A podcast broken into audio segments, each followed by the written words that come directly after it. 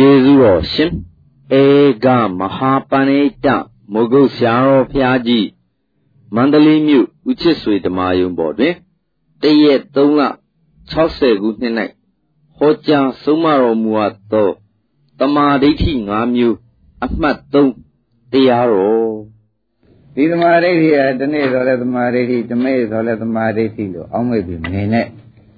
သမာဓိဋ္ဌိက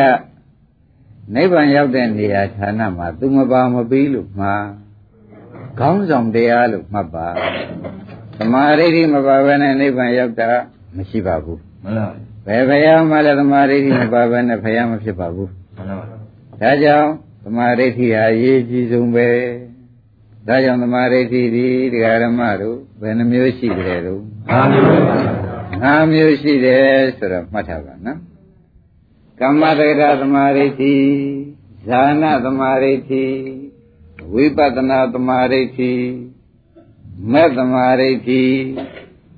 တရားဓမ္မတို့ဖို့သမာဓိဋ္ဌိဘယ်နှခုရှိပါလဲနာမျိုးရှိပြီးဒီကလာနေတော့ဒါသမာဓိဋ္ဌိကြီးပဲသမာကမှန်ကန်တာဒိဋ္ဌိကမြင်တာမှန်ကန်မြင်တဲ့တရား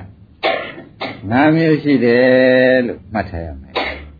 မှန်ကန်မြင်တဲ့တရားနာမျိုးရှိပါဗျာအဲ့တော့မှန်ကန်မြင်တာပဲငါမျိုးတောင်ပြရသလားဆိုတော့အိုးသူတန်းနဲ့သူမြင်ရရှာကြတာနော်ကလေးတန်းဟာကလေးကလေးတို့ဤသဘာဝအတိုင်းကလေးတို့ဤအမြင်ပဲရှိမှာပဲအလတ်စားအလတ်စားမြင်လူရွယ်ရွယ်လူရွယ်ရွယ်မြင်လူကြီးလူကြီးမြင်ဒီတဲ့ပုပိရိကာလရှင်းမိနောက်မိအမြင်ကရှင်းမိနောက်မိအမြင်လို့ဥပအောင်အမျိုးမျိုးတော့ပြပါ မှန်ပါဗျာပြရိုက်ကူလားပြရိုက်ပါဗျာအဲဒီကမ္မတက္ကဋညာအမြင်ဆိုတော့ကောင်းတာလို့ကောင်းကျိုးပေးမကောင်းတာလို့မကောင်းကျိုးပေးနိုင်တယ်ဒီအမြင်နဲ့ညံပါလို့ပဲလို့ဆိုရမှန်ပါဗျာ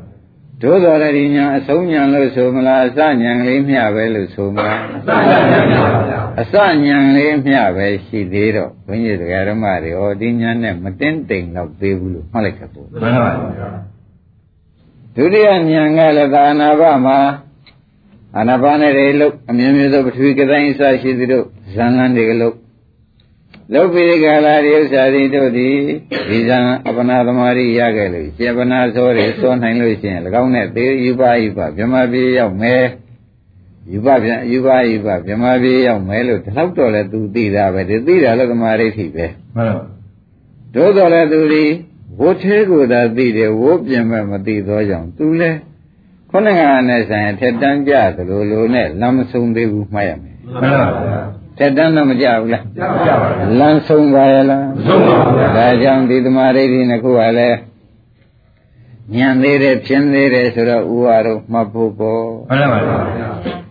ဒါပြန်ဘာအရေးကြီးလာတယ်ဆိုတော့သုံးနံပါတ်ဖြစ်တဲ့ဥပဒနာသမာဓိဋ္ဌိဒီဒကာရမတို့အရေးကြီးတော့တယ်မှန်ပါပါ ဝိပဿနာသမာဓိဋ္ဌိဆိုတာကသာသနာ့ဘုံမှာပေါ်နိုင်တယ်လို့မှတ်ထားတယ်မှန်ပါပါ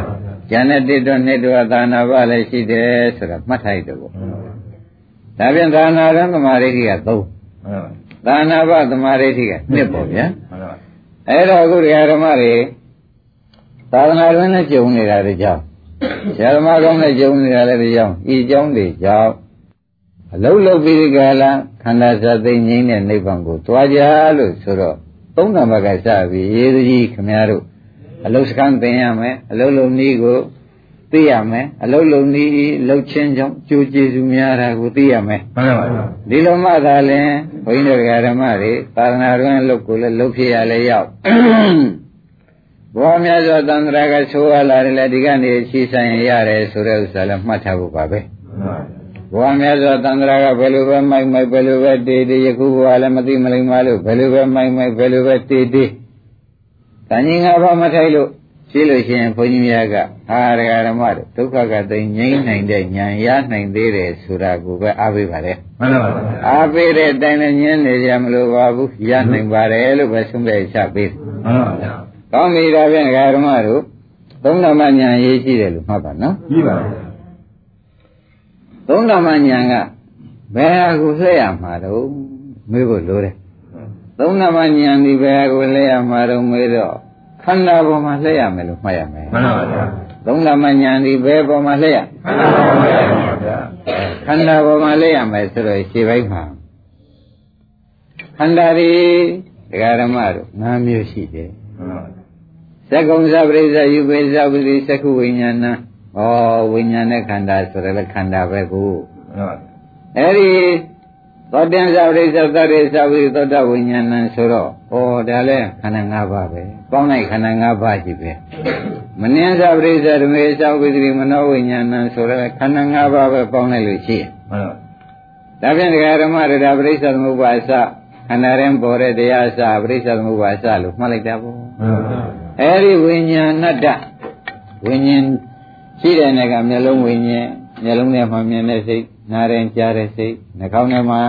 အဲမွေးရကြိုင်တာသိစိတ်ကလေးလျာထဲမှာစားတော့တောက်တတ်တဲ့စိတ်ကလေးကိုယ်ပေါ်မှာရာရန်ကောင်းတဲ့စိတ်ကလေးမနောရင်ကြံစီတွေးတောတဲ့စိတ်ကလေးအဲ့ဒီ၆မျိုးကဝိညာဉ်ကြီးလို့မှတ်လိုက်စမ်းပါမှန်ပါဒီ၆မျိုးဒီကားလို့ဆိုရင်ဒကာဓမ္မတို့ကို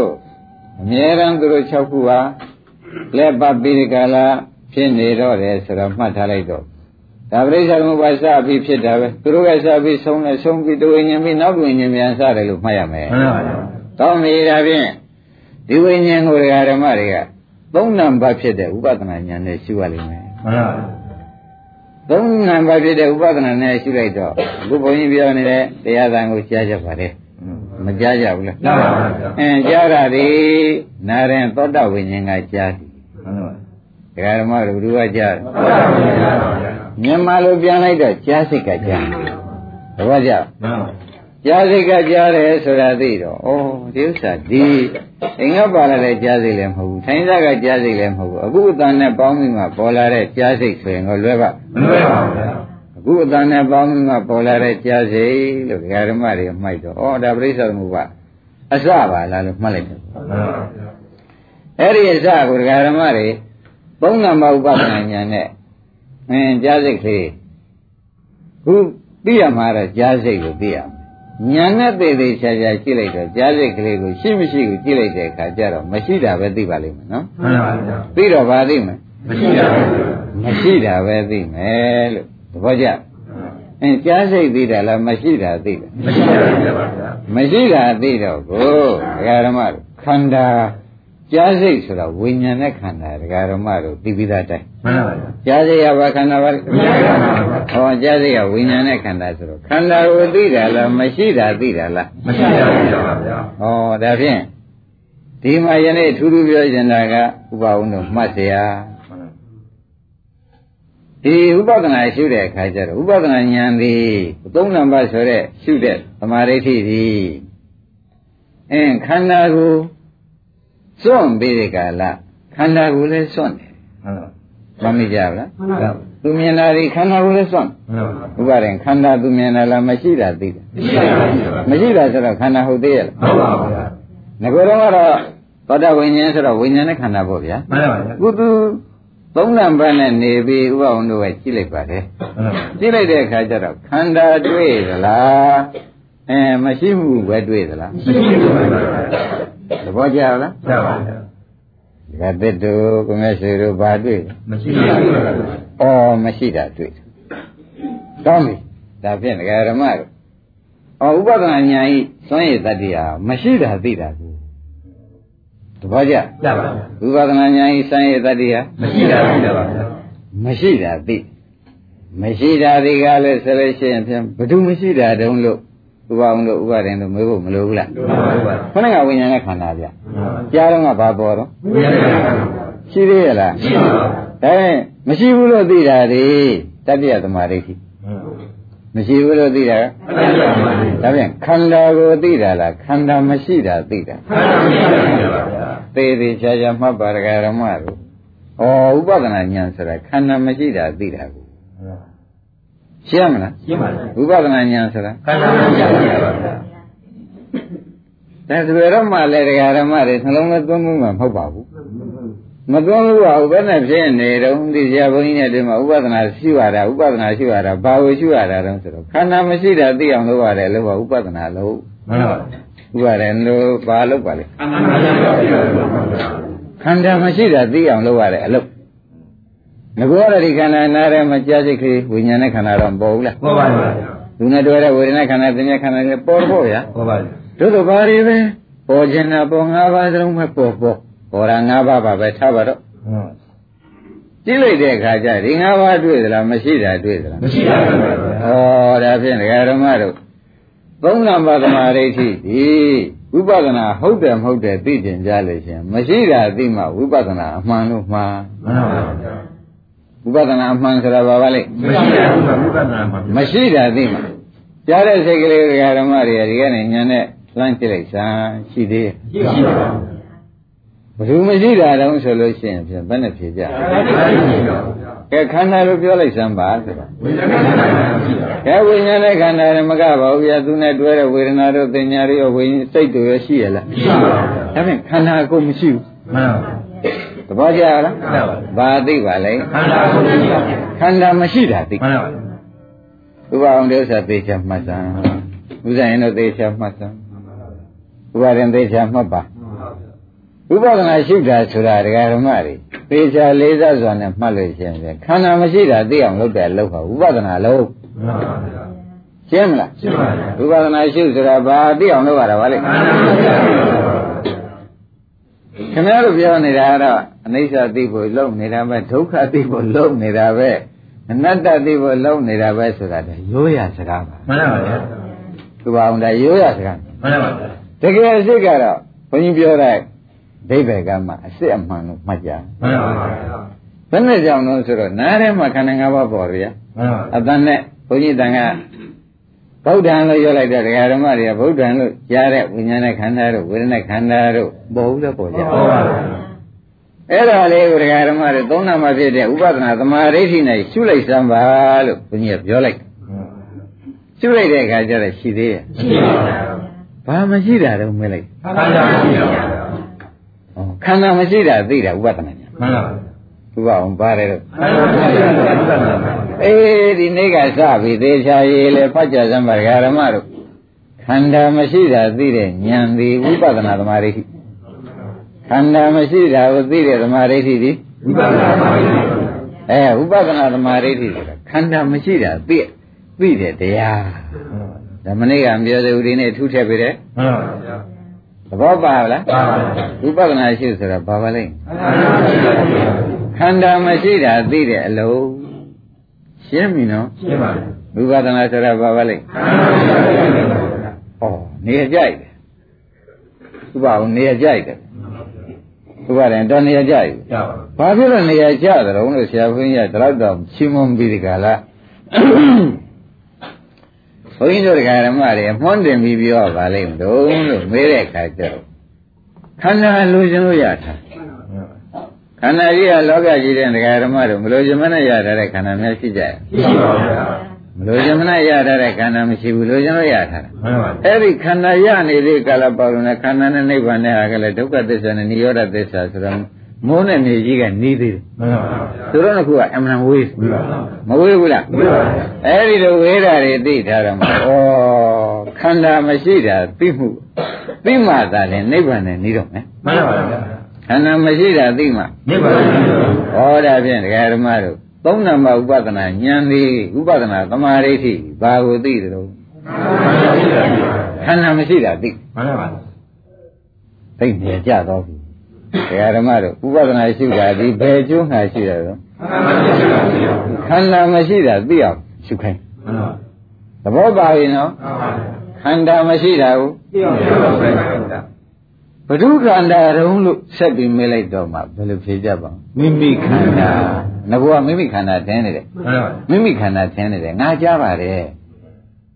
ငါစိတ်နဲ့ကငါငါကိုကြားပါတယ်ဆိုပြီးစိတ်ကိုငါလည်းဆွဲလိုက်သေးတယ်မှန်ပါတကယ်ဒီခန္ဓာကိုလည်းငါကိုယ်ရင်ကြားပါတယ်လို့ပြောလိုက်တဲ့အခါကျတော့ရှင်ခန္ဓာ၅ပါးတကယ်လေတကယ်ဓမ္မတွေဒီကိုယ့်ကိုယ်ကိုယ်ကလည်းလှုပ်ထားတဲ့အကြောင်းဒီခန္ဓာ၅ပါးကကြားနေတယ်ပဲတကယ်ပဲထင်လိုက်တာပဲ မှန်ပါဗျကောင်းပြီဒါဖြင့်ဒကာဓမ္မတို့ခန္ဓာ၅ပါးကြားတယ်ဆိုတာတော့ဖြင့်သဘောတော့ကြပါပြီမှန်လဲမှန်ပါတယ်တဲ့သို့သောဥပဒနာသမာဓိနဲ့ကြည့်လိုက်တော့ကြားတဲ့ခန္ဓာ၅ပါးရှိမရှိမရှိပါဘူးဗျာကြားတဲ့ခန္ဓာ၅ပါးမရှိပါဘူးကြားတဲ့ခန္ဓာ၅ပါးမရှိဘူးလို့သိလိုက်တာဩမိမိတို့ဤသိမှုကိုမိမိတို့သိတာပဲမိမိတို့ရထားတဲ့ခန္ဓာဤပျက်စီးမှုကိုမိမိတို့သိတာပဲ သဘောကျမိမိတို့ရထားတဲ့ခန္ဓာ၅ပါးဤပျက်စီးမှုကိုသိပြီပါဗျာဩဥပအောင်ရေသိဖို့တန်သွားတမ်းပါဗျာသိဖို့တန်သွားပြီဓမ္မတို့ဩဥပဒနာသမာဓိဋ္ဌိဟာတင်းနေရကြပါလားမိမိတို့တသံတရားလုံးဆွဲလာတဲ့ခန္ဓာကြီးဒီခန္ဓာကြီးနဲ့ကွဲမှလည်းနိဗ္ဗာန်ကနေတာမှန်ပါဗျာအခုတော့ဒီခန္ဓာကြီးမရှိတာကိုသိရတဲ့အတွက်အဲခန္ဓာနဲ့ဖြင့် ခန္ဓာမရှိတာသိရပြီဆိုတာဒီဥပဒနာသမာဓိဋ္ဌိဖြစ်လာပြီမှန်ပါဗျာဝိပဿနာသမာဓိဋ္ဌိဖြစ်လာကြတဲ့ကိုကတရားဓမ္မတို့ခန္ဓာမရှိတာကိုသိတော့ကိုနိဗ္ဗာန်ဟာခန္ဓာမရှိဘူးမှန်ပါဗျာအခုလည်းခန္ဓာမရှိတာတော့သူသိလာပြီမှန်ပါဗျာဒါဖြင့်ဒီအတိတာရှည်သွားလို့ရှိရင်ဖြင့်နိဗ္ဗာန်ကကတ်နေပြီမှန်ပါဗျာဒီအတိတာရှည်ရင်သိပါပါဗျာနိဗ္ဗာန်ကတ်နေပြီလို့ဆုံးဖြတ်ချက်ချစမ်းပါမှန်ပါဗျာ နာကြီးကြီးနဲ့ထုံကြနော်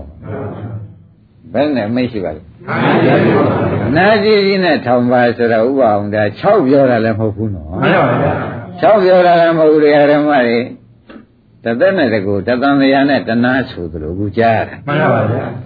တသံတရားနဲ့တဏှာဆိုသလိုကြားရတော့ခန္ဓာမရှိတာကိုသိအောင်ရှုတာဒီဝိပဿနာသမာဓိဋ္ဌိမှန်ပါဗျာ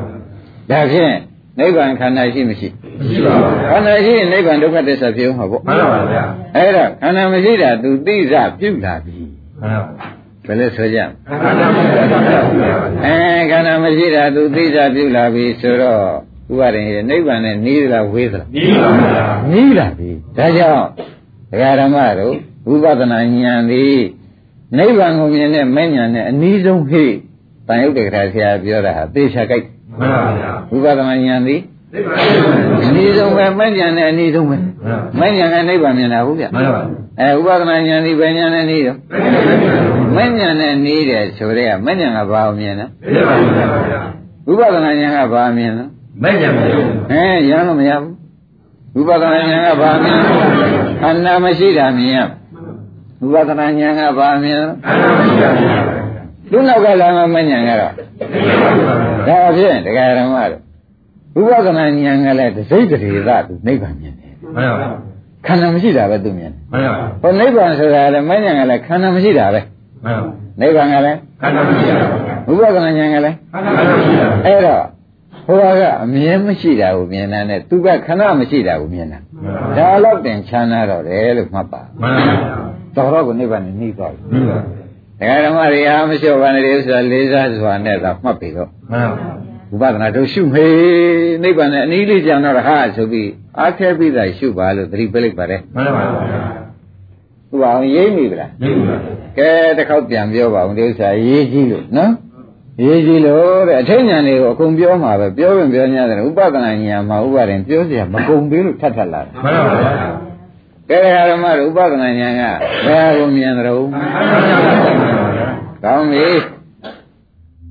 သူ့နောက်မှာလာတဲ့မဉ္ဇဏ်ကတော့ဘာမြင်တယ်ဒါဖြင့်ခန္ဓာမရှိတာလည်းဘာခေါ်ကြနေပါပါနိဗ္ဗာန်ပဲအဲဥပဒနာကခဏနိဗ္ဗာန်ကိုသာမြင်တယ်မှန်ပါမဉ္ဇဏ်ကအမြဲနိဗ္ဗာန်ကိုမြင်တယ်ဆိုတော့ဩသူတို့နှစ်ခုဟာအမှန်တန်နိကပ်ပါလားဆိုတဲ့အတိပ္ပယ်ရှင်းတယ်မှန်ပါမနိကပ်ဘူးလားနိကပါဗျာနိကတ်တယ်လို့သေချာမှတ်ပါကြဓမ္မတို့ဥပဒနာဉာဏ်မပါဘဲနဲ့ မဉာဏ်မပေါ်နိုင်ဘူးဆိုတော့သိကြတယ်မဟုတ်လားနိကပါဗျာကောင်းပြီဒါပြန်ဥပဒနာဉာဏ်တရားဓမ္မတို့ဘယ်ဟာကိုမြင်တယ်တော့ခန္ဓာမရှိတာနိပါဗျာကဲနောက်လာမယ်မဉာဏ်ကဟောနိဗ္ဗာန်ဗျာနိဗ္ဗာန်ဆိုတာဘာပါလဲခန္ဓာမရှိတာအဲနိဗ္ဗာန်ဆိုတာလည်းခန္ဓာမရှိတာဥပဒနာဉာဏ်ကလည်းခန္ဓာမရှိတာမမြင်မြင်တာပဲမှန်ပါဆိုကြတော့မြင်မှုဘာထုပါလိမ့်မလို့ဆိုအိုးခဏမရှိတာလေခဏနိဗ္ဗာန်အမြင်မရှိတာကအမြင်နိဗ္ဗာန် ဒါလေးပဲကြွာချတော့မှန်ပါဒါဖြင့်ဥပဒနာဉာဏ်ရတဲ့ပုဂ္ဂိုလ်ဖြင့်ဘုန်းကြီးတို့တရားဓမ္မတွေသေပြောပြီဟိတာဆုံးဖြတ်ချက်ချာမှန်ပါဗျာတပည့်ကြဥပဒနာဉာဏ်ရရင်ပြီးတော့ပါဗျာဟောတော့ခဏနိဗ္ဗာန်သူမြင်မကောဗျာမှန်ပါခဏနိဗ္ဗာန်သူမြင်တယ်ဆိုတော့အမြဲနိဗ္ဗာန်ကိုသူမြင်ဖို့ဆက်ရှိလိုက်ရင်အမြဲနိဗ္ဗာန်သူရတော့မယ်မှန်ပါဗျာဘာပါရမီတွေဘာတွေလိုသေးလားမလို့ပါဘူးဗျာမလိုတော့ပါဘူးဥဝါယအားစိတ်မှုပဲလိုတယ်မှန်ပါဗျာအမဗရံ၄ပါးနဲ့အားစိတ်မှုပဲလိုပါတယ်မှန်ပါ။ ကိုင်းဒါဖြင့်ဒါကမြင်ပုံတော့ဖြင့်ရှင်းသွားကြပြီနော်မှန်ပါ။ဥဥပဒနာဉာဏ်ဒီခန္ဓာမရှိတာကိုမြင်သေးဆိုတော့နားတိုင်းခန္ဓာ၅ပါးမပေါ်ဘူးလို့ဘုန်းကြီးအတန်ကြားတော့ဟုတ်ပါဗျာကြည့်စမ်းအခုနောက်ကကိုယ်ဉာဏ်နဲ့ကိုရှိပါပါဗျာအင်းဘာတွေမရှိပါလေခန္ဓာမရှိပါဘူးခန္ဓာမရှိဘူးဝိညာဉ်နဲ့ခန္ဓာလည်းမရှိဘူးဝေဒနာခန္ဓာရောမရှိပါဘူးသင်္ညခန္ဓာမရှိပါဘူးအင်းနားထဲမှာလည်းသကုပ္ပဒါရသောတာပဒါရဆိုတဲ့ယူပခန္ဓာရောမရှိပါဘူးဗျာဩဒါမြင်ဥပဒနာညာမှာခန္ဓာမရှိတာကိုမြင်တယ် သဘောကျကြပါလားခန္ဓာမရှိတာကိုမြင်တယ်ဆိုတာကဲဒကာသတ္တုကိုမြတ်ရှိတို့သိကြပါလားသိကြပါဗျာခန္ဓာမရှိတာကိုခဏနိဗ္ဗာန်ဟုတ်နော်ခဏနိဗ္ဗာန်ကိုသူတွေ့အောင်ရှာနိုင်တဲ့တရားဖြင့်ဒါကြောင့်သာသနာတော်တရားဆိုတော့ဥပအောင်ကောင်းကောင်းရှင်းနေဖို့ကောင်းပါဘုရားကျင်းတော့ဟမ်ဥပရှင်းနေပလားကျင်းတော့ပါနောက်ကဒကာရမတွေ ဒါဖြင့်ခင်ဗျားတို့ဒီနိဗ္ဗာန်ဥပဒနာဉာဏ်ကမှစပြီးဒီကလာနိဗ္ဗာန်ကိုသတိရိသမြင်သေးလို့မမြင်သေးလို့ရှင်ဘယ်မှာသာလဲအားလုံးဒကာရမတွေမဉ္ဇဉ်ပေါ်ပေါ်အကြောင်းရှိပြီပေါ့ရှိပါဗျာကောင်းပြီဒါဖြင့်အလွန်လေးလေးစားစားနဲ့ကြားတဲ့စိတ်ကလေးကိုဖြစ်ဖြစ်ရှုပါမြင်တဲ့စိတ်ကလေးကိုရှိပါပါအဲ့ဒါခန္ဓာမရှိတာကြီးမြင်မှာပဲဟုတ်နံတဲ့စိတ်ကလေးနှာခေါင်းနဲ့ကြည့်လိုက်နံပြီးတော့ကြည့်လိုက်စမ်းရှိ ပါဗျာဘာမရှိတာမြင်ခန္ဓာမရှိပါဘူးအဲခန္ဓာမရှိတာမြင်တာပဲဒါဖြင့်ဥပဒနာညာဒီခန္ဓာကိုစွန့်တယ်ဆိုတာဟုတ်ပြီမှန်ပါဗျာသဘောကျကြပါလားကောင်းပြီဒါဖြင့်သုံးနံပါတ်ဥပါဒေတော်ခီးရောက်ပါလားရောက်ပါဗျာ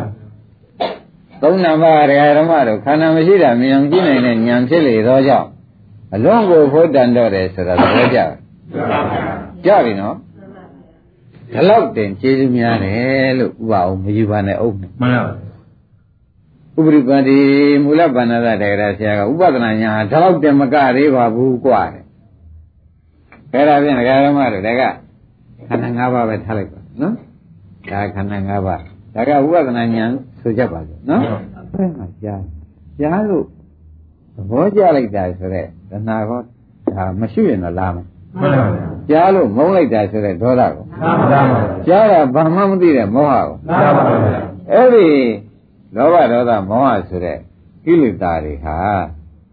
လာသေးရဲ့လားမရှိတာသိနေတဲ့အချိန်မှာမှန်ပါဗျာမလာဘူးနော်မှန်ပါဗျာဒါဖြင့်ဒီဥပဒနာသမာဓိဋ္ဌိဒီဘုရားရှိတို့ဩခန္ဓာလဲစွန့်တဏှာလဲစွန့်ပါလားလို့မှတ်လိုက်မှန်ပါဗျာတပည့်ကြမှန်ပါဗျာခန္ဓာလဲ မှန်ပါဗျာတဏှာလဲအိုးသေဘုဒ္ဓနေပါဘောလားဥပဝင်းဟာမှန်ပါဗျာဒါခင်ဗျားတို့အပြောလားတဲ့အခုအပြနဲ့ပဲမရှင်းသေးဘူးလားကြပါရှင်းပါဗျာဒီကခန္ဓာ၅ပါးလည်းမရှိတာသိလို့စွန့်ပြီးသားဖြင့်မှန်ပါဒီကနောက်ကလည်းပေါ်ခွင့်မရလို့တဏှာဥပါဒဏ်တွေကလည်းမသေးဘူးလားသိပါပါဗျာဒါဖြင့်ဝိပဿနာဉာဏ်တစ်ချက်သေးသည်အလယ်ကနေပြီးတောင်းနှလုံးထမ်းတယ်လို့ပဲတကားတော့နှလုံးသလုံးမှာပကုံးပေါ်ရောက်တယ်လို့ဟမ်မှန်ပါ အင်းခန္ဓာလည်းစွန့်တဏှာလည်းစွန့်မှန်ပါဗျာဝိပဿနာဉာဏ်ဤကိစ္စဘာဘယ်လိုရွေးဆောင်လိမ့်ရှိပါလိမ့်မလဲလို့မေးလို့ရှင်ခန္ဓာလည်းစွန့်သွားပြီခန္ဓာလည်းစွန့်တဏှာလည်းစွန့်ဆိုတဲ့ဒကာရမတို့ခန္ဓာစွန့်တာကနိဗ္ဗာန်ကိုမြင်တာနိဗ္ဗာန်ကိုတစ်စိတ်တည်းသာရတာတဏှာစွန့်တာကတဲ့ဒကာရမတို့တန်လျာပြတ်တယ်တဏှာစွန့်တာက ရှင်းပြီနော်ခန္ဓာစွန့်တာကနိဗ္ဗာန်မြင်တာတဏှာစွန့်တာကအဲအနာဂတ်တံ္ဍရာပြတ်တယ်ဖြင့်ဝိပဿနာဟာဥပဒေအတော်ဖို့တတ်မှာတမန်ပါသေးသေးချာချာအခုအခုပြောတာဒကာဓမ္မတို့ဘုန်းကြီးစိတ်ထားနဲ့ဘုန်းကြီးအမြင်နဲ့ပြောနေတယ်လို့မောင်းမိနေနော်မှန်ပါဗျာတဏှာသင်္ခေယတုတ်မှာဘုရားသခင်ကိုရောမြတ်ကြီးကိုတရားကမေးလို့ဒီလေးပဲဘုရားဖြေနေမှန်ပါဗျာတဏှာသင်္ခေယတုတ် သဘောပါလားမှန်ပါဗျာတဏှာသင်္ခေယဆိုတာတဏှာကုနဲ့တုတ်ပေါ့ဗျာအဲ့ဒီမှာသေချာဟောလို့ဘုန်းကြီးရဲ့ဒီဥစ္စာတော့ဥပဒနာသမာဓိဋ္ဌိကဤမျှလောက်ကျေးဇူးများတယ်ဆိုတဲ့ဥစ္စာကိုအဲ့ဒီကယူပြီးဒီကလာဥပအောင်ပြောနေတာမှန်ပါဗျာရှင်းမလားရှင်းပါဗျာဒါပြန်ဥပဒနာဉာဏ်လုတ်တဲ့ပုဂ္ဂိုလ်များပြီခန္ဓာစွန့်ခြင်းကြောင့်လဲနိဗ္ဗာန်တွေ့ရတယ်မှန်ပါဗျာတဏှာစွန့်ခြင်းကြောင့်လဲသံဃာပြတ်တယ်တပည့်ကြကြောက် မယုံရင်ဒီဘက်ကခန္ဓာ၅ပါးရှိကြားတဲ့ခန္ဓာ၅ပါးနားတဲ့ခန္ဓာ၅ပါးရှုချီမြင်သေးရဲ့မြင်ပါပါခတိုင်းခန္ဓာမရှိတာ तू မသိဘူးလားသိပါဗျာခန္ဓာမရှိတာ तू သိတာဒီဒါပြန်ဥပဒနာဉာဏ်ဒီခန္ဓာကိုလဲစွန့်ပါတယ်မှန်ပါဟုတ်လားမှန်ပါတဏှာလည်းမစွန့်ဘူးလားဆိုတော့ဆုံးပါဗျာ အင်းခொနကမရှိတာမရှိမိလို့ရှင်ရင်ကြားလို့ကောင်းတယ်စားလို့ကောင်းတယ်လားမယ်တမ်းပါဗျာမလာပေဘူးလားလာပါဘူးအခုတော့လာသေးရဲ့လာပါဘူးအဲဥပဒနာညာကအလကနေပြီးဒီကာလဒကာဓမ္မတို့ခန္ဓာလဲစွန့်တဏှာလဲစွန့်စွန့်ရည်တတ္တိရှိတယ်တရားဖြစ်လေသောကြောင့်အလွန်ဖို့တန်တော့သည်လို့သုံးဖြတ်ချက်ချပါမှန်ပါဗျာသိက္ကံကောင်းတဲ့ဒကာဓမ္မတွေပဲအော်ဥပဒနာလောက်တာကုသိုလ်ရတယ်လို့ခင်ဗျားတို့ကအောင်းမင်း မဟုတ်ပါဘူးဗျကုသိုလ်ရတာပင်ကုသိုလ်လေးတော့ဖြင့်ခွန်ကြီးဟောကုန်ဟောဘူးမှန်ပါပါတပည့်ကြကြပါဘူးကုသိုလ်ရတာမဟုတ်ပါဘူးတရားဓမ္မတွေနိဗ္ဗာန်မြင်တယ်သန္တရာပြတ်တယ်လို့အောက်မဲ့လိုက်သမ်းပါဘုရားအောင်ဘယ်လိုမှမဒါကုသိုလ်တွေခင်ဗျားတို့ကသံမြညာကုသိုလ်တွေသူ့ကွင်းလို့တော်ပါမတော်ပါဘူးမတော်ပါဘူးတဲ့သံမြညာကုသိုလ်နဲ့ကိုမြတ်ရွှေတိုင်းလုံးချမ်းသာတယ်မချမ်းသာဘူးလားကိုရှိလိုက်တဲ့ခန္ဓာ၅ပါးပဲနဲ့နေတော့ မရှိပါဘူး မရှိတော့သုံးမိသားမကြဘူးအဲနောက်ကတဏှာရောလာသေးရဲ့ မှန်ပါဗျာ ဟောလေဥပဒနာဉာဏ်သည်ခန္ဓာလဲဆုံးတဏှာလဲဆုံးအကျိုးပြောစမ်းပါဆိုတော့နိဗ္ဗာန်လည်းခဏမြင်တယ်ဟုတ်လား။ဒါနောက်တန်ត្រာကြီးလည်းဖြတ်တယ်။နောက်တန်ត្រာဥဝိနာဝိသေဝိတွေကုန်ဖြတ်ချ တ တယ် မ်းပါ ။သဘောပါ ပါပါ ။ဒါဖြင့်တစ်ချက်သေးရှုတာဟာခင်ဗျားတို့အလွန်ကျေးဇူးများတယ်ဆိုတာပေါ်လာလား ဟုတ်ပါဗျာ ။ တစ်ချက်သေးဒီလိုသာမြင်လိုက်လို့ရှိရင်ဖြင့်တဲ့ဒီကသိတဲ့ကိုမြတ်ရွှေတို့ဘလောက်တပြင်းကုသိုလ်တွေတဲ့ခြာပေါင်းထောင်သုံးသိသမကပါတယ်လို့ဘုရားဟောတာဟောတဲ့ဟုတ်တယ်ပါဟောတယ်မလားဟုတ်တယ်ပါခဏနိဗ္ဗာန်လည်းသူမမြင်ရဘူးလားဗျာမြင်ပါဘူးအဲသံဃာပြတာလည်းမသေးကြဘူးလားသိပါပါဗျာဘယ်တဏှာမမလားပဲနဲ့ပဲဥပါဒံကံဒီလာကြလို့သေးလားလို့ပါဗျာအဲဒါကြောင့်အကျဉ်းချုပ်မှတ်ထားစမ်းပါဥပဒနာရှိတဲ့ပုဂ္ဂိုလ်များမှာ နိဗ္ဗာန်မြင်၍သံဃာပြတ်တယ်ကုသိုလ်ရရုံနဲ့မကပါဘူးနိဗ္ဗာန်မြင်၍ဩနိဗ္ဗာန်လည်းမြင်သေးတယ်သံဃာလည်းပြတ်သေးတယ်ဆိုတော့ဖြင့်သံဃာပြတ်တယ်ဆိုတော့ဒုက္ခသစ္စာပြတ်တယ်နိဗ္ဗာန်မြင်တယ်ဆိုတော့ချမ်းသာတာကိုယ်ရဖြစ်ရတယ်နိဗ္ဗာန်မြင်တာကချမ်းသာတာကိုယ်ရဖြစ်ရပါတယ်သံဃာပြတ်တယ်ဆိုတော့ဆင်းရဲဟူတွေ့ကိုယ်နဲ့ဥစ္စာကွဲပါတယ်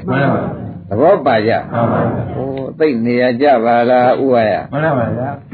ဝိပဿနာဉာဏ်ဤတကူဟာခါတိုင်းတလောက်ပေါ်အောင်မပြောဘူးအခုပေါ်အောင်ပြောလိုက်တဲ့အခါကျတော့မှဥပအောင်ကြီးသိရှင်းသွားပြီရှင်းပါဗျာဒါပြန်ဥပဒနာဉာဏ်ဤဘာဘာစွန့်ဒါကသူစွန့်ပုံပြတယ်နော်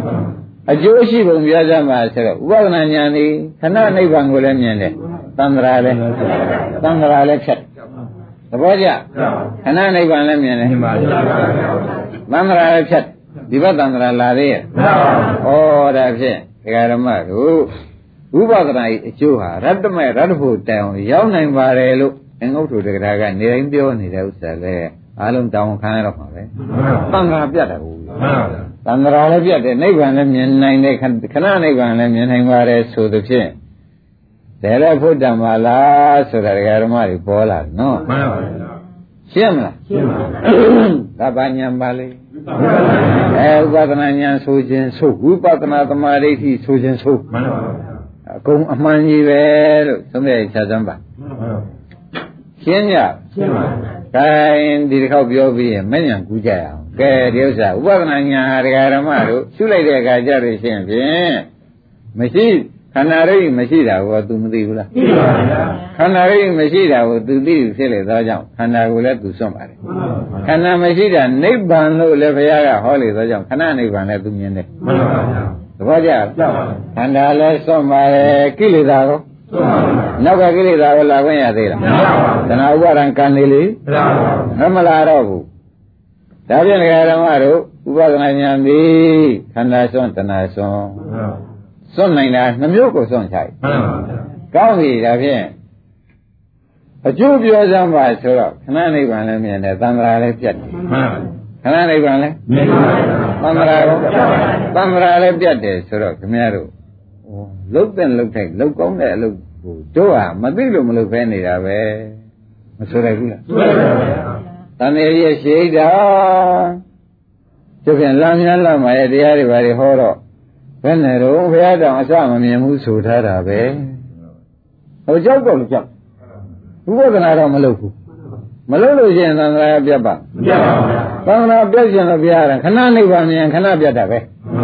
အမြဲနိဗ္ဗာန်မြင်အမြဲပြတ်တာပဲသ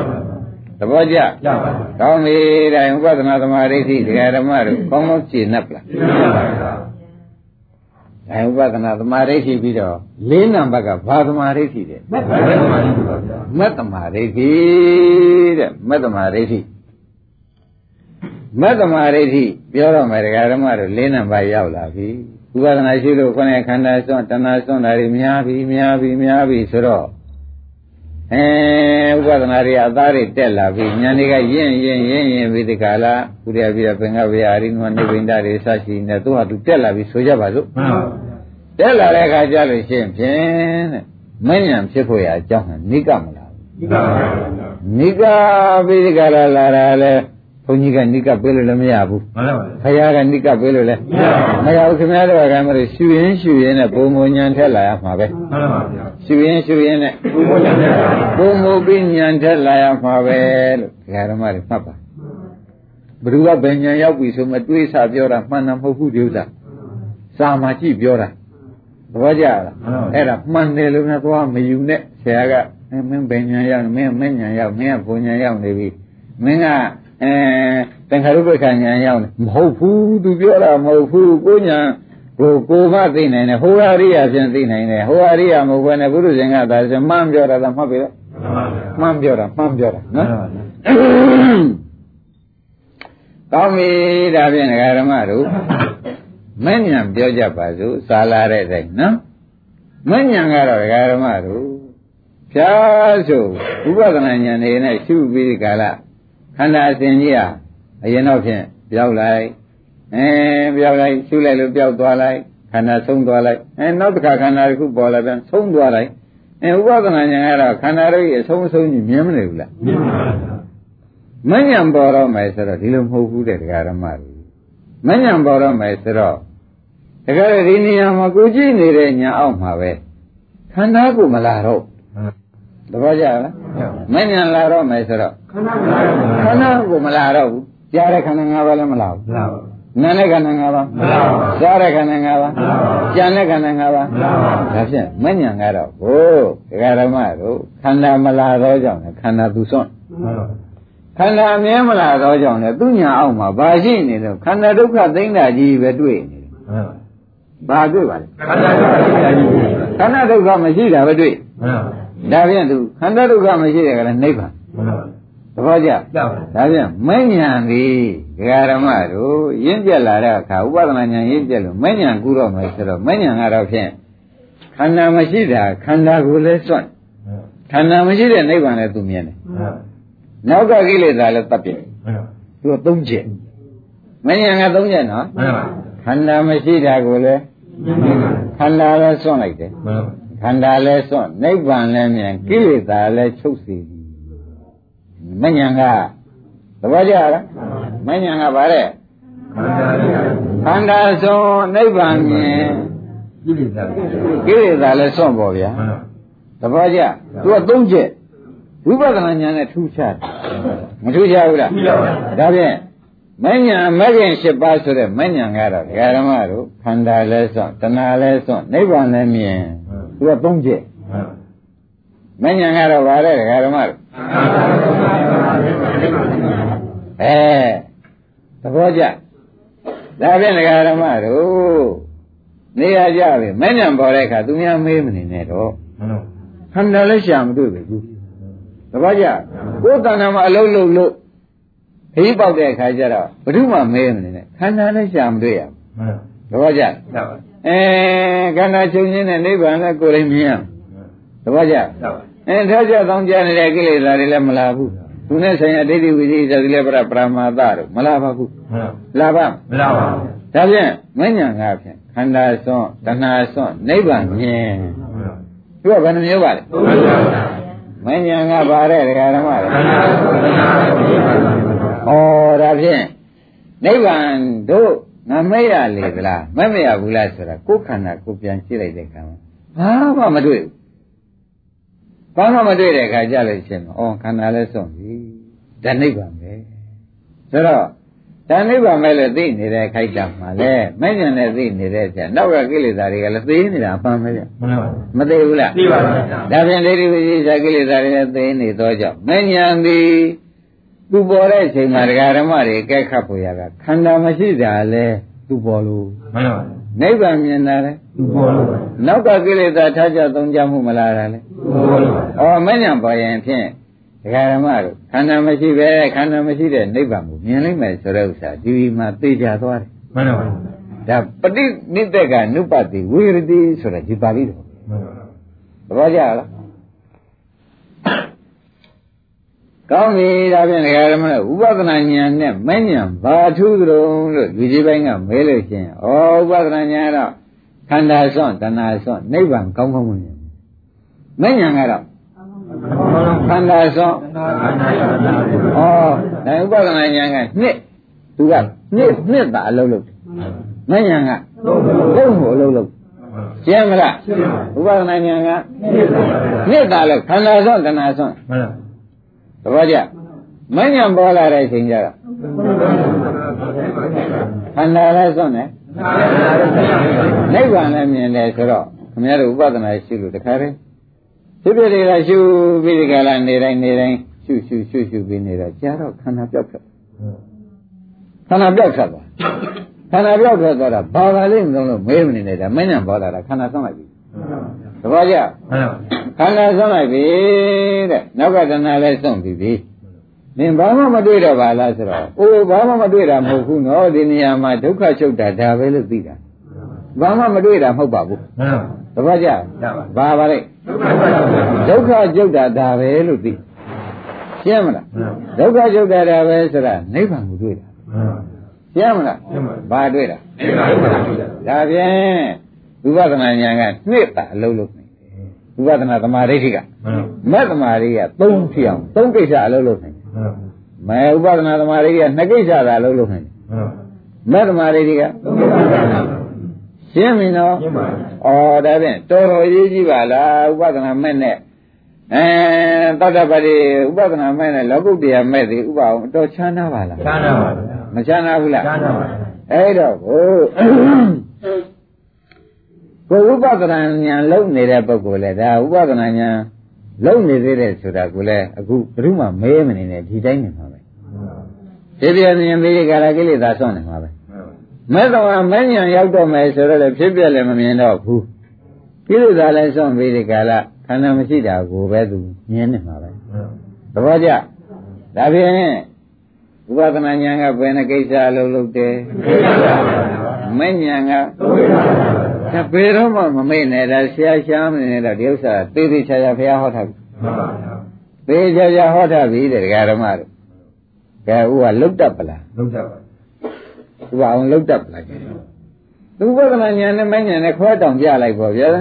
ရှိတာကလည်းခင်ဗျားတို့ဘာမှမရှိဘူးဥပဒနာလုံးလုံးမဲ့ပုဂ္ဂိုလ်မှာဥပဒနာဉာဏ်နဲ့မဉာဏ်မရှိတယ်မှန်ပါဒါပြန်ရီကတော့ကို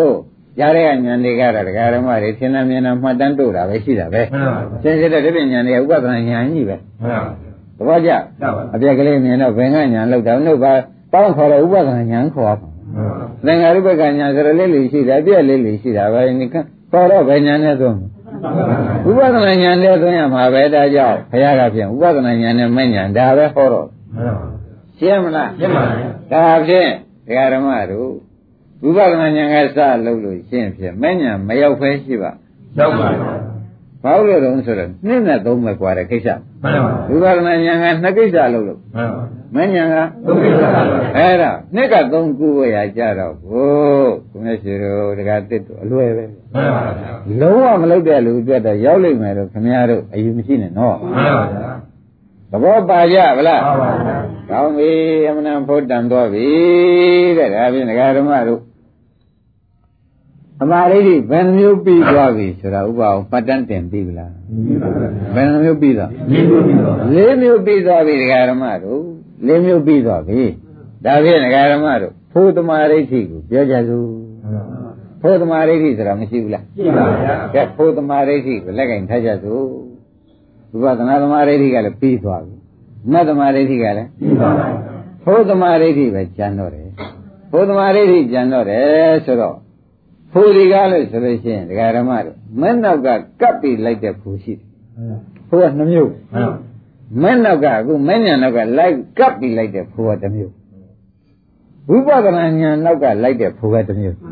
ဖိုးပဲနှမျိုးရှိပါမမျိုးပါဗျာဒါသေးချာမှတ်တော့မှဖိုးဆိုရင်တစ်မျိုးတည်းမှတ်တယ်လွယ်ကုန်နေမယ်မှန်ပါဗျာနော်ဝိပဿနာဉာဏ်နမဉာဏ်နောက်ကကလိုက်တဲ့ဖိုးကတစ်မျိုးရှင်းမလားမှန်ပါဗျာဝိပဿနာဉာဏ်နောက်ကလိုက်လာတဲ့ဖိုးကတစ်မျိုးဖိုးပဲတစ်မျိုးပါမမျိုးပါဗျာဒါသေးချာမှတ်ပါအောင်ဒါသေးချာမှတ်ပါအောင်ဖိုးဉာဏ်ကိုကနှစ်မျိုးရှိနေတယ်ဆိုတာမှတ်ထားရတယ်မှန်ပါဗျာဒါကတော့ဘုန်းကြီးကဟောကြံလို့ဟောတာမဟုတ်ပါဘူးတရားဓမ္မတို့ခင်ဗျားတို့မဲ့ဉာဏ်ရပြင်ဖိုးဟာအလိုလိုလိုက်တာပါပဲ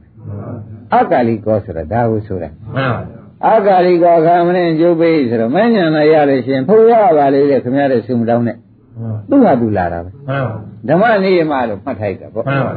ဓမ္မနိယမဆိုတာကတရားဓမ္မတို့မဲ့ဉာဏ်ဤသောအကြောင်းအာထုကားလို့ရှင်ဖြင့်ဘုံဉာဏ်ဤသောအကျိုးကတော့ဥပအောင်မလာပါနဲ့ဆိုလို့ရပါဗျာလာရမှာပဲသဘောကျကြပါတားလို့ရှိလို့ဘုရားလာတာမရဘူးမှန်ပါဗျာမန္တကြီးလာတာကိုမရပါဘူးမရပါဘူးတဲ့သူတို့က ဘယ်နဲ့တရားဓမ္မတို့မက္ကအနန္တရပစ္စည်းဖိုလအနန္တရပစ္စည်းပြစ္ဆုတ်ပံတတိမက္ကကံနာနကနိကကာမပစ္စည်းဖိုလပြစ္ဆုတ်ပံဆိုတော့သိချာမှန်ပါဗျာကံနဲ့အကျိုးပေးပဲတဲ့တရားဓမ္မတို့မက္ကမက္ကစေနာကံဗျာမှန်ပါဖိုလကအကျိုးပေးဆိုတော့ဘယ်ကနေတာပဲမက်ပြီးဖိုပဲသဘောကျဒါဖြင့် ဘုံညာနေတရားဓမ္မတို့ဘယ်နှမျိုးရှိပါလဲမမျိုးပါဗျာမဲ့နောက်ကကပ်ပေးလိုက်တဲ့ဖိုတစ်မျိုးမမျိုးပါဝိပဿနာဉာဏ်နောက်ကကပ်လိုက်တဲ့ဖိုကတစ်မျိုးသဘောကျပါရပါဘုံညာဘယ်နှမျိုးရှိပါမမျိုးပါဗျာအဲတဏတနည်းရပါပါလိမ့်ဝိပဿနာမညာနဲ့ပဲမဲ့ဉာဏ်နောက်ကလိုက်လာတဲ့ဘုံညာတစ်မျိုး ဝိပဿနာဉာဏ်နောက်ကလိုက်လာတဲ့ဘုံညာတစ်မျိုးသေချာမှတ်ပါသေချာမှတ်ပါဒါကဘုဒ္ဓတအတွေ့ညာဟောတာရှင်စစ်ခမရတို့ကျင့်တဲ့အခါကျတော့သူ့အထူးရဖို့အထောက်ရတာမဟုတ်တော့ကြောင့်ဘုဒ္ဓတအတွက်သာဟောတာလို့မှတ်လိုက်ကြမှာ မှန်ပါ ဒီပါအောင်ဘယ်ကျုံးမှာဟောတာ ဘုရားဗျာ အဲဘုဒ္ဓတဆိုတာဘုန်းကြီးများလည်းဘုဒ္ဓတပဲပေးမှာပဲတဲ့ခင်ဗျားတို့ဒါအထုတ်ရတဲ့တရားမဟုတ်ဘူးသူကဓမ္မနေမှာကြီးလာနေတဲ့ဥစ္စာပဲတဲ့ဘာမှဟောเสียမလိုပါဘူး တို့ကလည်းဘုန်းကြီးကိုခင်ဗျားတို့သိစေခြင်းလို့ရှိရင်သိစေခြင်းတဲ့သဘောလေးရှိလို့ဘုန်းကြီးကပြောပါတယ်။ကဲတရားဓမ္မတို့မဉ္ဇဏ်ကဒီနေ့ကပြောတယ်ဓမ္မဉ္ဇဏ်ရှင်းလာတာဒါကခင်ဗျားတို့နိဗ္ဗာန်ထားပါလားနော်။မဉ္ဇဏ်ဒီတရားဓမ္မတို့ဘယ်နှကိစ္စလုံးလို့ကြတယ်သုံးခိတ္တ။ပါပါပါလေ။ဟေးခန္ဓာလည်းစွန့်တဏှာလည်းစွန့်နိဗ္ဗာန်လည်းမြင်တယ်။ ကောင်းပြီဒါဖြင့်နိဗ္ဗာန်ဆိုတာမျိုးဟာဒကာဓမ္မတို့အမြဲတမ်းခင်ဗျားတို့ရှိနေတာပဲလို့မှတ်ရ။တပတ်ကြရပါအမြဲတမ်းရှိနေတယ်ဆိုတော့လူတိုင်းတွေ့သလားလို့လည်းမေးဖို့တော့လိုလိမ့်မယ်မှန်ပါဗျာအမြဲတမ်းရှိတယ်ပြီရှိရင်ဘုရားလူတိုင်းတွေ့ဖို့ပါပဲတပတ်ကြမှန်ပါမဟုတ်ပါဘူးတဲ့ရှိတာကတော့ရှိပါတယ်တဲ့အမြဲတမ်းတော့ရှိပါတယ်ဆိုတော့ဒကာ ဓမ္မတို့ဒီနိဗ္ဗာန်အာထုတ်တဲ့ပုဂ္ဂိုလ်လူတိုင်းမှာတော့အာထုတ်လို့ရောက်မဲ့ပုဂ္ဂိုလ်လူတိုင်းမှာတော့အမြဲတမ်းသူရှိနေတာပဲမှန်ပါအာမထုတ်တဲ့ပုဂ္ဂိုလ်တွေအတွက်မှာတော့သူကရှိကိုမရှိဘူးမှန်ပါတပတ်ကြရပါအဲ့တော့အာမထုတ်တဲ့ပုဂ္ဂိုလ်အတွက်မှာဖြင့်ရှိပါပါမရှိဘူးအာထုတ်တဲ့ပုဂ္ဂိုလ်အတွက်မှာတော့ဖြင့်ရှိပါဗျာရှိတယ်လို့သေချာမှတ်ထားပါ။ဩဒါဖြင့်အရှိကလည်းနှမျိုးပါလား။ ထိုက်တဲ့ပုဂ္ဂိုလ်ဖြင့်ရှိမှန်ပါမထိုက်တဲ့ပုဂ္ဂိုလ်ရှိပါဗျာရှင်းမလားရှိပါ။ထိုက်တဲ့ပုဂ္ဂိုလ်တော့ရှိပါဗျာမထိုက်တဲ့ပုဂ္ဂိုလ်ရှိပါထိုက်တဲ့ထိုက်မထိုက်ဆိုတာဘာနဲ့ဥပမာညမလဲအာထုပါအာထုပါ။အာထုတ်တဲ့ပုဂ္ဂိုလ်ကထိုက်တယ်မှန်ပါ။အာမထုတ်ဘဲနဲ့အောနေတဲ့ဆူတောင်းနေတဲ့ပုဂ္ဂိုလ်ကမထိုက်ဘူးလို့ဆိုတာမှတ်ထားကြစမ်းပါ။သဘောပါဗလား။ဒါဖြင့်ဒကာရမတို့အာထုတ်မှရမယ်အလို့ဆိုတဲ့ဥစ္စာလေ အာထုတ်မှရမယ်အလို့ဆိုတာကိုလည်းခင်ဗျားတို့သမဗရံ၄ပါးဘုရားဟောတာမြင်သဖြင့်ဥပါဒင်တွေရှင်းပါလိမ့်မယ်မှန်ပါဗျာ။မဖြစ်သေးတာဖြစ်အောင်ဆိုတာအားကြရမှာမဟုတ်လားမှန်ပါ။ဖြစ်ပြီးသားကိုလည်းပွားများနိုင်လောက်အောင်ဆိုတာကိုအာထုပါအာဒါဖြင့်သမဗရံ၄ပါးတွေကဒကာဓမ္မသမဗရံဗောဓိပက္ခိယတရားတွေမှာသတိပဋ္ဌာန်လေးသမဗရံလေးမပါဘဲနဲ့ဗောဓိပက္ခိယတရားဖြစ်ပါမဖြစ်ပါဘူးဗျာအဲမဉ္ဇဉ်ရတဲ့တရားဖြစ်နိုင်မှာမဖြစ်ပါဘူးအဲ့ဒီတည်းက သူတော်လုံးမဟုတ်ဘူးပွားများပြီးကြလားအာထုတ်ယူရမယ်လောက်ပါလားဆိုတာအကျော်သိချာသွားတယ်မှန်ပါဗျာရှင်းပြီနော်ရှင်းပါပြီကောင်းပြီနေရာကြပါပြီဒါဖြင့်မဉ္ဇဉ်ကအခုသုံးပါးဆွမ်းတာတော့သဘောကျမက်ပြီးတော့ကိုဒကာရမတွေမက်စိတ်ပြီးတင်းနှစ်ဆိုတော့မက်စိတ်ကချုပ်မခொနဲ့ကိလေသာစွန့်ခန္ဓာစွန့်နိဗ္ဗာန်မြင်တဲ့တရားလေးစွန့်သွားမှန်ပါစွန့်သွားတော့ဒီမက်စိတ်စွန့်လိုက်ပြီးဒီကလာမက်စိတ်ချုပ်သွားပြီ မက်စိတ်ကလည်းတရားဓမ္မတို့ဥပဒနာရှိတဲ့စိတ်လို့ပေါ့မှန်ပါမကင်၅ပါးကလည်းချက်ဆိုချုပ်တာပဲမှန်အဲမကင်7ပါးရောဆက်မှုချုပ်တာပဲဆိုတော့သူ့နေရာမှာတဲ့တရားဓမ္မတို့ဖိုကင်7ပါးဆိုတာလာမှာပဲမကင်7ပါးဆိုရင်ဖိုကင်7ပါးလာမှာပဲသဘောကျမှန်ပါဒါမဲ့ချုပ်သွားတော့ဖိုနဲ့ဖိုဖိုနဲ့မတွေ့ရဘူးတွေ့ရပါကိုင်းလာပြင်တရားဓမ္မတို့ဒီဖိုဒီမနောက်ကလိုက်တဲ့ဖိုပဲမှန်ပါနဲ့ပြီးတော့ဟုတ်ပါဖိုလာတာပဲတဲ့ဒီဖိုက ဘာဘယ်ကျိုးကပေါ်လာတာတုံးလို့မေးဖို့မလိုဘူးလို့ပါသူကတော့ဘာကိုစွန့်ကြုံလို့မေးဖို့မလိုဘူးလေလို့ပါအိုးတရားဓမ္မတို့ဒီမဲ့လောက်ခါသူပြန်လောက်မှာပဲမက်ကဘယ်နှကိစ္စလောက်ခဲ့ဘယ်လိုလောက်ပါလဲအဲခန္ဓာလဲစွန့်တဏှာလဲစွန့်နော်တို့တဏှာမှမရှိပဲနဲ့ဘိုးကဘာစွန့်မလို့မေးဖို့မလိုဘူးလားလို့ပါအိုးဘိုးကလည်းသူက ဒကာဓမ္မတို့ဟိုကအကျမ်းသတ်ဆိုသူကအဒုဒဖြစ်နေတော့ဥပအောင်ရတိုက်ရသေးတယ်မှန်ပါလောကီဥမာပြကြပါစို့ဆိုတော့ဒကာဓမ္မတွေအမတမီးတွေရဲရဲကြီးရှားမိခဲကြီးကိုရေနဲ့လောင်းလိုက်တဲ့အခါ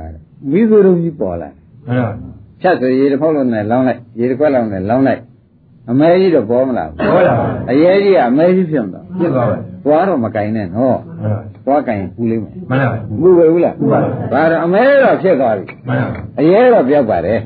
အရဲပြောက်ပြီးဒီကလာအမဲပေါ်ပေါက်လာညာဆိုတော့ကင်ရဲကြပါမှန်ပါဘာကြောင့်တော့ဆိုပတ္တိကြံတယ်မှန်ပါအပူတတ္တိကြံတယ်မကြံဘူးလားကြံပါအဲ့ဒီအပူတတ္တိကိုသူကနှင်းနှင်းဖို့ပေါ်လာတဲ့တရားမှန်ပါပတ္တိကိုနှင်းဖို့ပေါ်လာတဲ့တရားအရဲကိုမက်ကနှင်းသွားမှန်ပါအမဲတွေကအပူကိုဖိုးကနှင်းရမှန်ပါရှင်းမလားရှင်းပါပြီခင်ဗျားတို့ကိလေသာက တန်မြင်ရကိလေသာမဟုတ်ဘူးမှန်ပါဟုတ်တယ်ကျန်နန္ဒာကြီးဘောကျန်နန္ဒာကြီးကိုမဲ့နဲ့တတ်တတ်တောင်မှအနုကိလေသာကအရှိန်စောကျန်နေတယ်မှန်ပါကျန်နေတဲ့အတွက်ဟိုပြန်ပေါ်ရမှန်ပါဘောရပဲဟုတ်ပါဒါပြန်သူလည်းကိလေသာဆော့တာပေါ့ဗျာမှန်ပါဘယ်ကိလေသာတုံးလို့မဲတဲ့အခါကျတော့ဟိုမက်သက်လို့ကျန်ရတဲ့အငွေ့တက်ကလေးပေါ့ဗျာမှန်ပါ ဘယ်နဲ့ဆိုကြမက်ကလို့ရှိတယ်အဲဒီအငွေ့တက်ကလေးကပရိပတ်သမဏဘာနဲ့ဆိုတော့တဖန်ငိမ့်နေတယ်ဆိုတဲ့ကူကနည်းနည်းတော့အငွေ့သက်ရှိလို့သာပေါ့ဗျာမှန်ပါမရှိရင်တဖန်ငိမ့်စေတယ်ဆိုတဲ့စကားသုံးဖို့လိုသေးလားလို့ပါသဘောပါကြဗလားဒါဖြင့်မက်ပြီးတော့ပါလာတော့အဲမက်ကင်7ပါးပြီးတော့ဖိုးကင်7ပါးလာတယ်ဆိုတော့သူလည်းသုံးကိစ္စပဲလို့ပတ်လိုက်တာမှန်ပါသဘောကျလားကိလေသာလည်းသတ်တယ်ကိလေသာလည်းဆိုသနာရတော့ အဲနိဗ္ဗာန်လည်းနိဗ္ဗာန်လည်းမြင်တာပဲဆိုတာသဘောကျအဲ့ဒီတော့ကိုဒီလိုယူပါတဲ့မဲ့နဲ့သူနဲ့အရှင်ဘုရားနည်းနည်းမှမထူးတော့ဘူးလားလို့မဲတဲ့အခါကျတော့ကိလေသာဆုံးတဲ့နေရာမှာလည်းအရဲနဲ့အမဲကွာတယ်ဆိုတာခင်ဗျားတို့ပြောပြီးပြီအဲညှိနှိုင်းသွားတာကမဲ့အမဲကိုညှိနှိုင်းရမှာကဖိုးဖိုး အမဲတွေကပူနေတဲ့ဘူကမရှိဘူးလားရှိပါပါအဲ့ဒါနှင်းမရကဟုတ်ပါပါအေးအဲ့ဒီတော့ဘုံညံသည်မဲ့ညံတဲ့သူကတတ္တိထက်တယ်လို့ဒီဟာဓမ္မတွေဆိုကြစမ်းမဲ့ညံတဲ့တတ္တိထက်တယ်လို့ဆိုကြစမ်းမင်းတို့ကြောင့်မဲ့ညံတဲ့တတ္တိတွေရတယ်ဟုတ်ဥပအောင်မေးဖို့မလိုဘူးလားလို့ပါပါအေးဒါဖြင့်ဒကာဓမ္မတို့ခင်ဗျားတို့ဒီစစ်ပြိုင်တဲ့ရတာနဲ့ နောက်ငိမ့်ငိမ့်ရင်လည်းအုတ်ချုပ်ရငိမ့်ငိမ့်ရင်အုတ်ချုပ်ရတာနဲ့ခင်ဗျားတို့ဘယ်ဟာလွယ်မထင်ကြညီရိုင်းလို့ဆိုရငိမ့်ငိမ့်ရခက်တယ်တက်ပါဟိုမှာအစွန်ထလာဟိုကအဆွဲတောက်လာဒီကအဆွဲလေးတက်လာနဲ့ဟုတ်ဘူးလားစစ်ကြီးပြီးတော့ရအလွယ်လေးမှန်ပါသဘောကျမှန်ပါစစ်ကြီးပြီးတော့ရတော့ပြန်နှစ်ဘက်ရှင်တက်လိုက်လို့ဒကာဓမ္မတို့လက်နဲ့ကုန်ကြပြီလူတွေလည်းတက်ပြည့်အောင်မဖွဲ့နိုင်တော့ဘူးဆိုတော့လက်မြောက်ကြတာပဲမှန်ပါ ခွန်းရလည်းမမြောက်ပဲနဲ့ဟိုကတ်ဒီကတ်နဲ့ငင်းငင်းရေးလောက်ရတော့မယ်ဆိုတော့မကြဘူးလားကြပါဘူးအဲဒီမှာလည်းဒကာဓမ္မတို့စစ်ကြီးပြည့်အောင်မက်ကလုံးနိုင်냐ဆိုတော့စစ်ပင်ငင်းအောင်ကြတကယ်ကိုငင်းငင်းရေးအောင်ကြတော့ဘုရားမလုံးမှန်ပါငုံရင်လုံးသူမတပါလုံးပေမဲ့လည်းမရှိဘူးရှိပါသဘောပါလားပါပါကိလေသာရံသူတွေဓမ္မတို့ဘုရားငြိမ်းချမ်းရေးပြောင်းလုပ်နေရပါတယ်ဆိုတော့သဘောကျကြပါပါဒါပြန်သူကနှစ်ကိစ္စလို့မှတ်ပါမှန်ပါငြိမ်းချမ်းရေးကိစ္စရယ်နိဗ္ဗာန်မြင်တဲ့ကိစ္စရယ် ခန္ဓာတော့သူကစွန့်เสียမလို့တော့ မှန်ပါ ဘာလို့လဲတော့ဆိုတော့ဒုက္ခသစ္စာသူကပိုင်းခြားเสียမှာဖို့ကပိုင်းခြားဖို့မလို့တော့ မှန်ပါ မက်ကတခါတည်းပိုင်းပြီးမင်းနေတော့ဆိုပြီးစွန့်ခဲ့ပြီပေါ့သဘောကျ ပါ ဒါရင်ဖို့ကိစ္စကကိလေသာလေ ကိလေသာကိုလည်းငြိမ်းချမ်းရေးရအောင်လုပ်နိုင်တယ်နိဗ္ဗာန်ကိုလည်းမြင်နိုင်တယ်သူကနှစ်ကိစ္စ ရှင်းမလားဘဝပဲနှစ်ကိစ္စပါလေအဲနိဗ္ဗာန်မြင်တဲ့ကိစ္စရယ်အဲကိလေသာငြိမ်းချမ်းရေးရအောင်အေးရအောင်လုပ်တဲ့ကိစ္စရယ်ဒါဖို့ကိစ္စသဘောကျ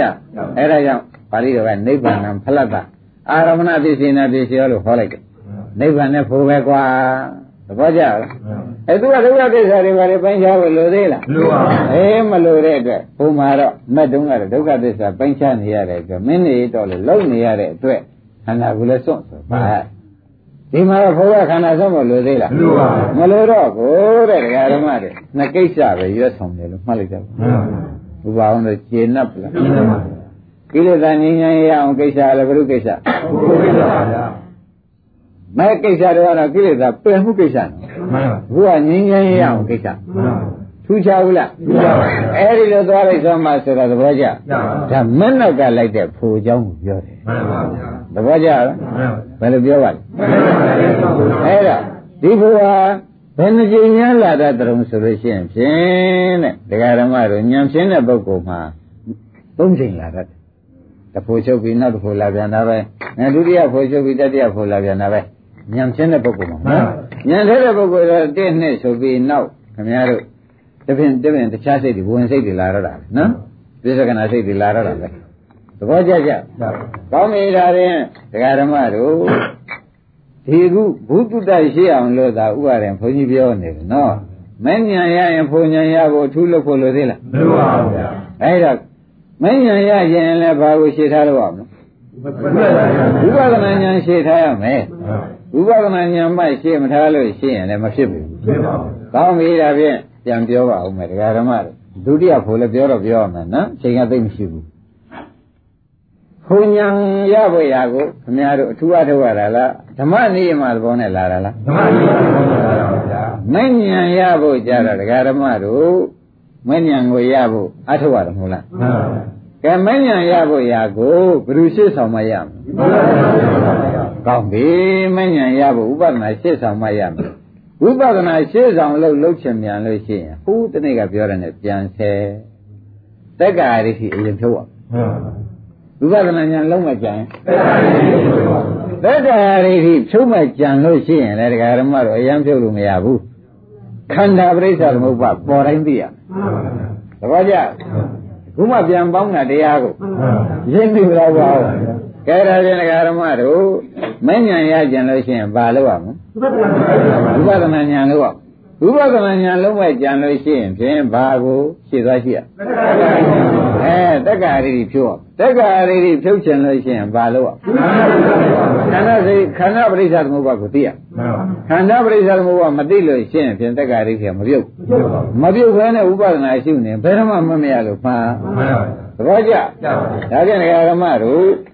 ဒီ